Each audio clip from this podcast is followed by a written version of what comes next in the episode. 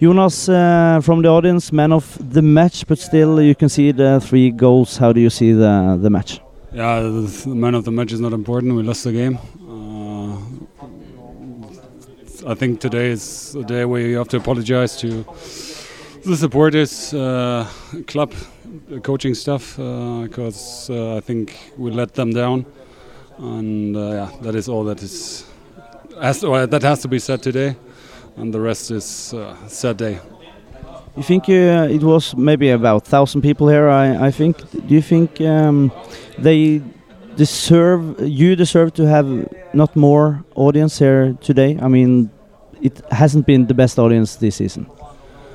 Yeah, obviously you hope for uh, uh, for some more. Um, I think if you regard the not today but uh, the rest of the season, I think we deserve more. Uh, if you look at today, uh, we clearly don't deserve more. Uh, but yeah, it, it's just a game today where we were really bad and but we have to show that um, with good football, with good results, um, we have to bring the, the supporters and uh, more spectators to the stadium again for the future. It started uh, really well. We think in uh, up in the commentator box, uh, the intensity was was high. You you pushed them high, uh, especially on on uh, outkicks or what do you call it in English.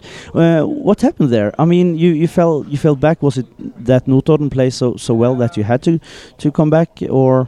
No, I think uh, with all respect to Notodden, uh, this game was all about us because uh, we have.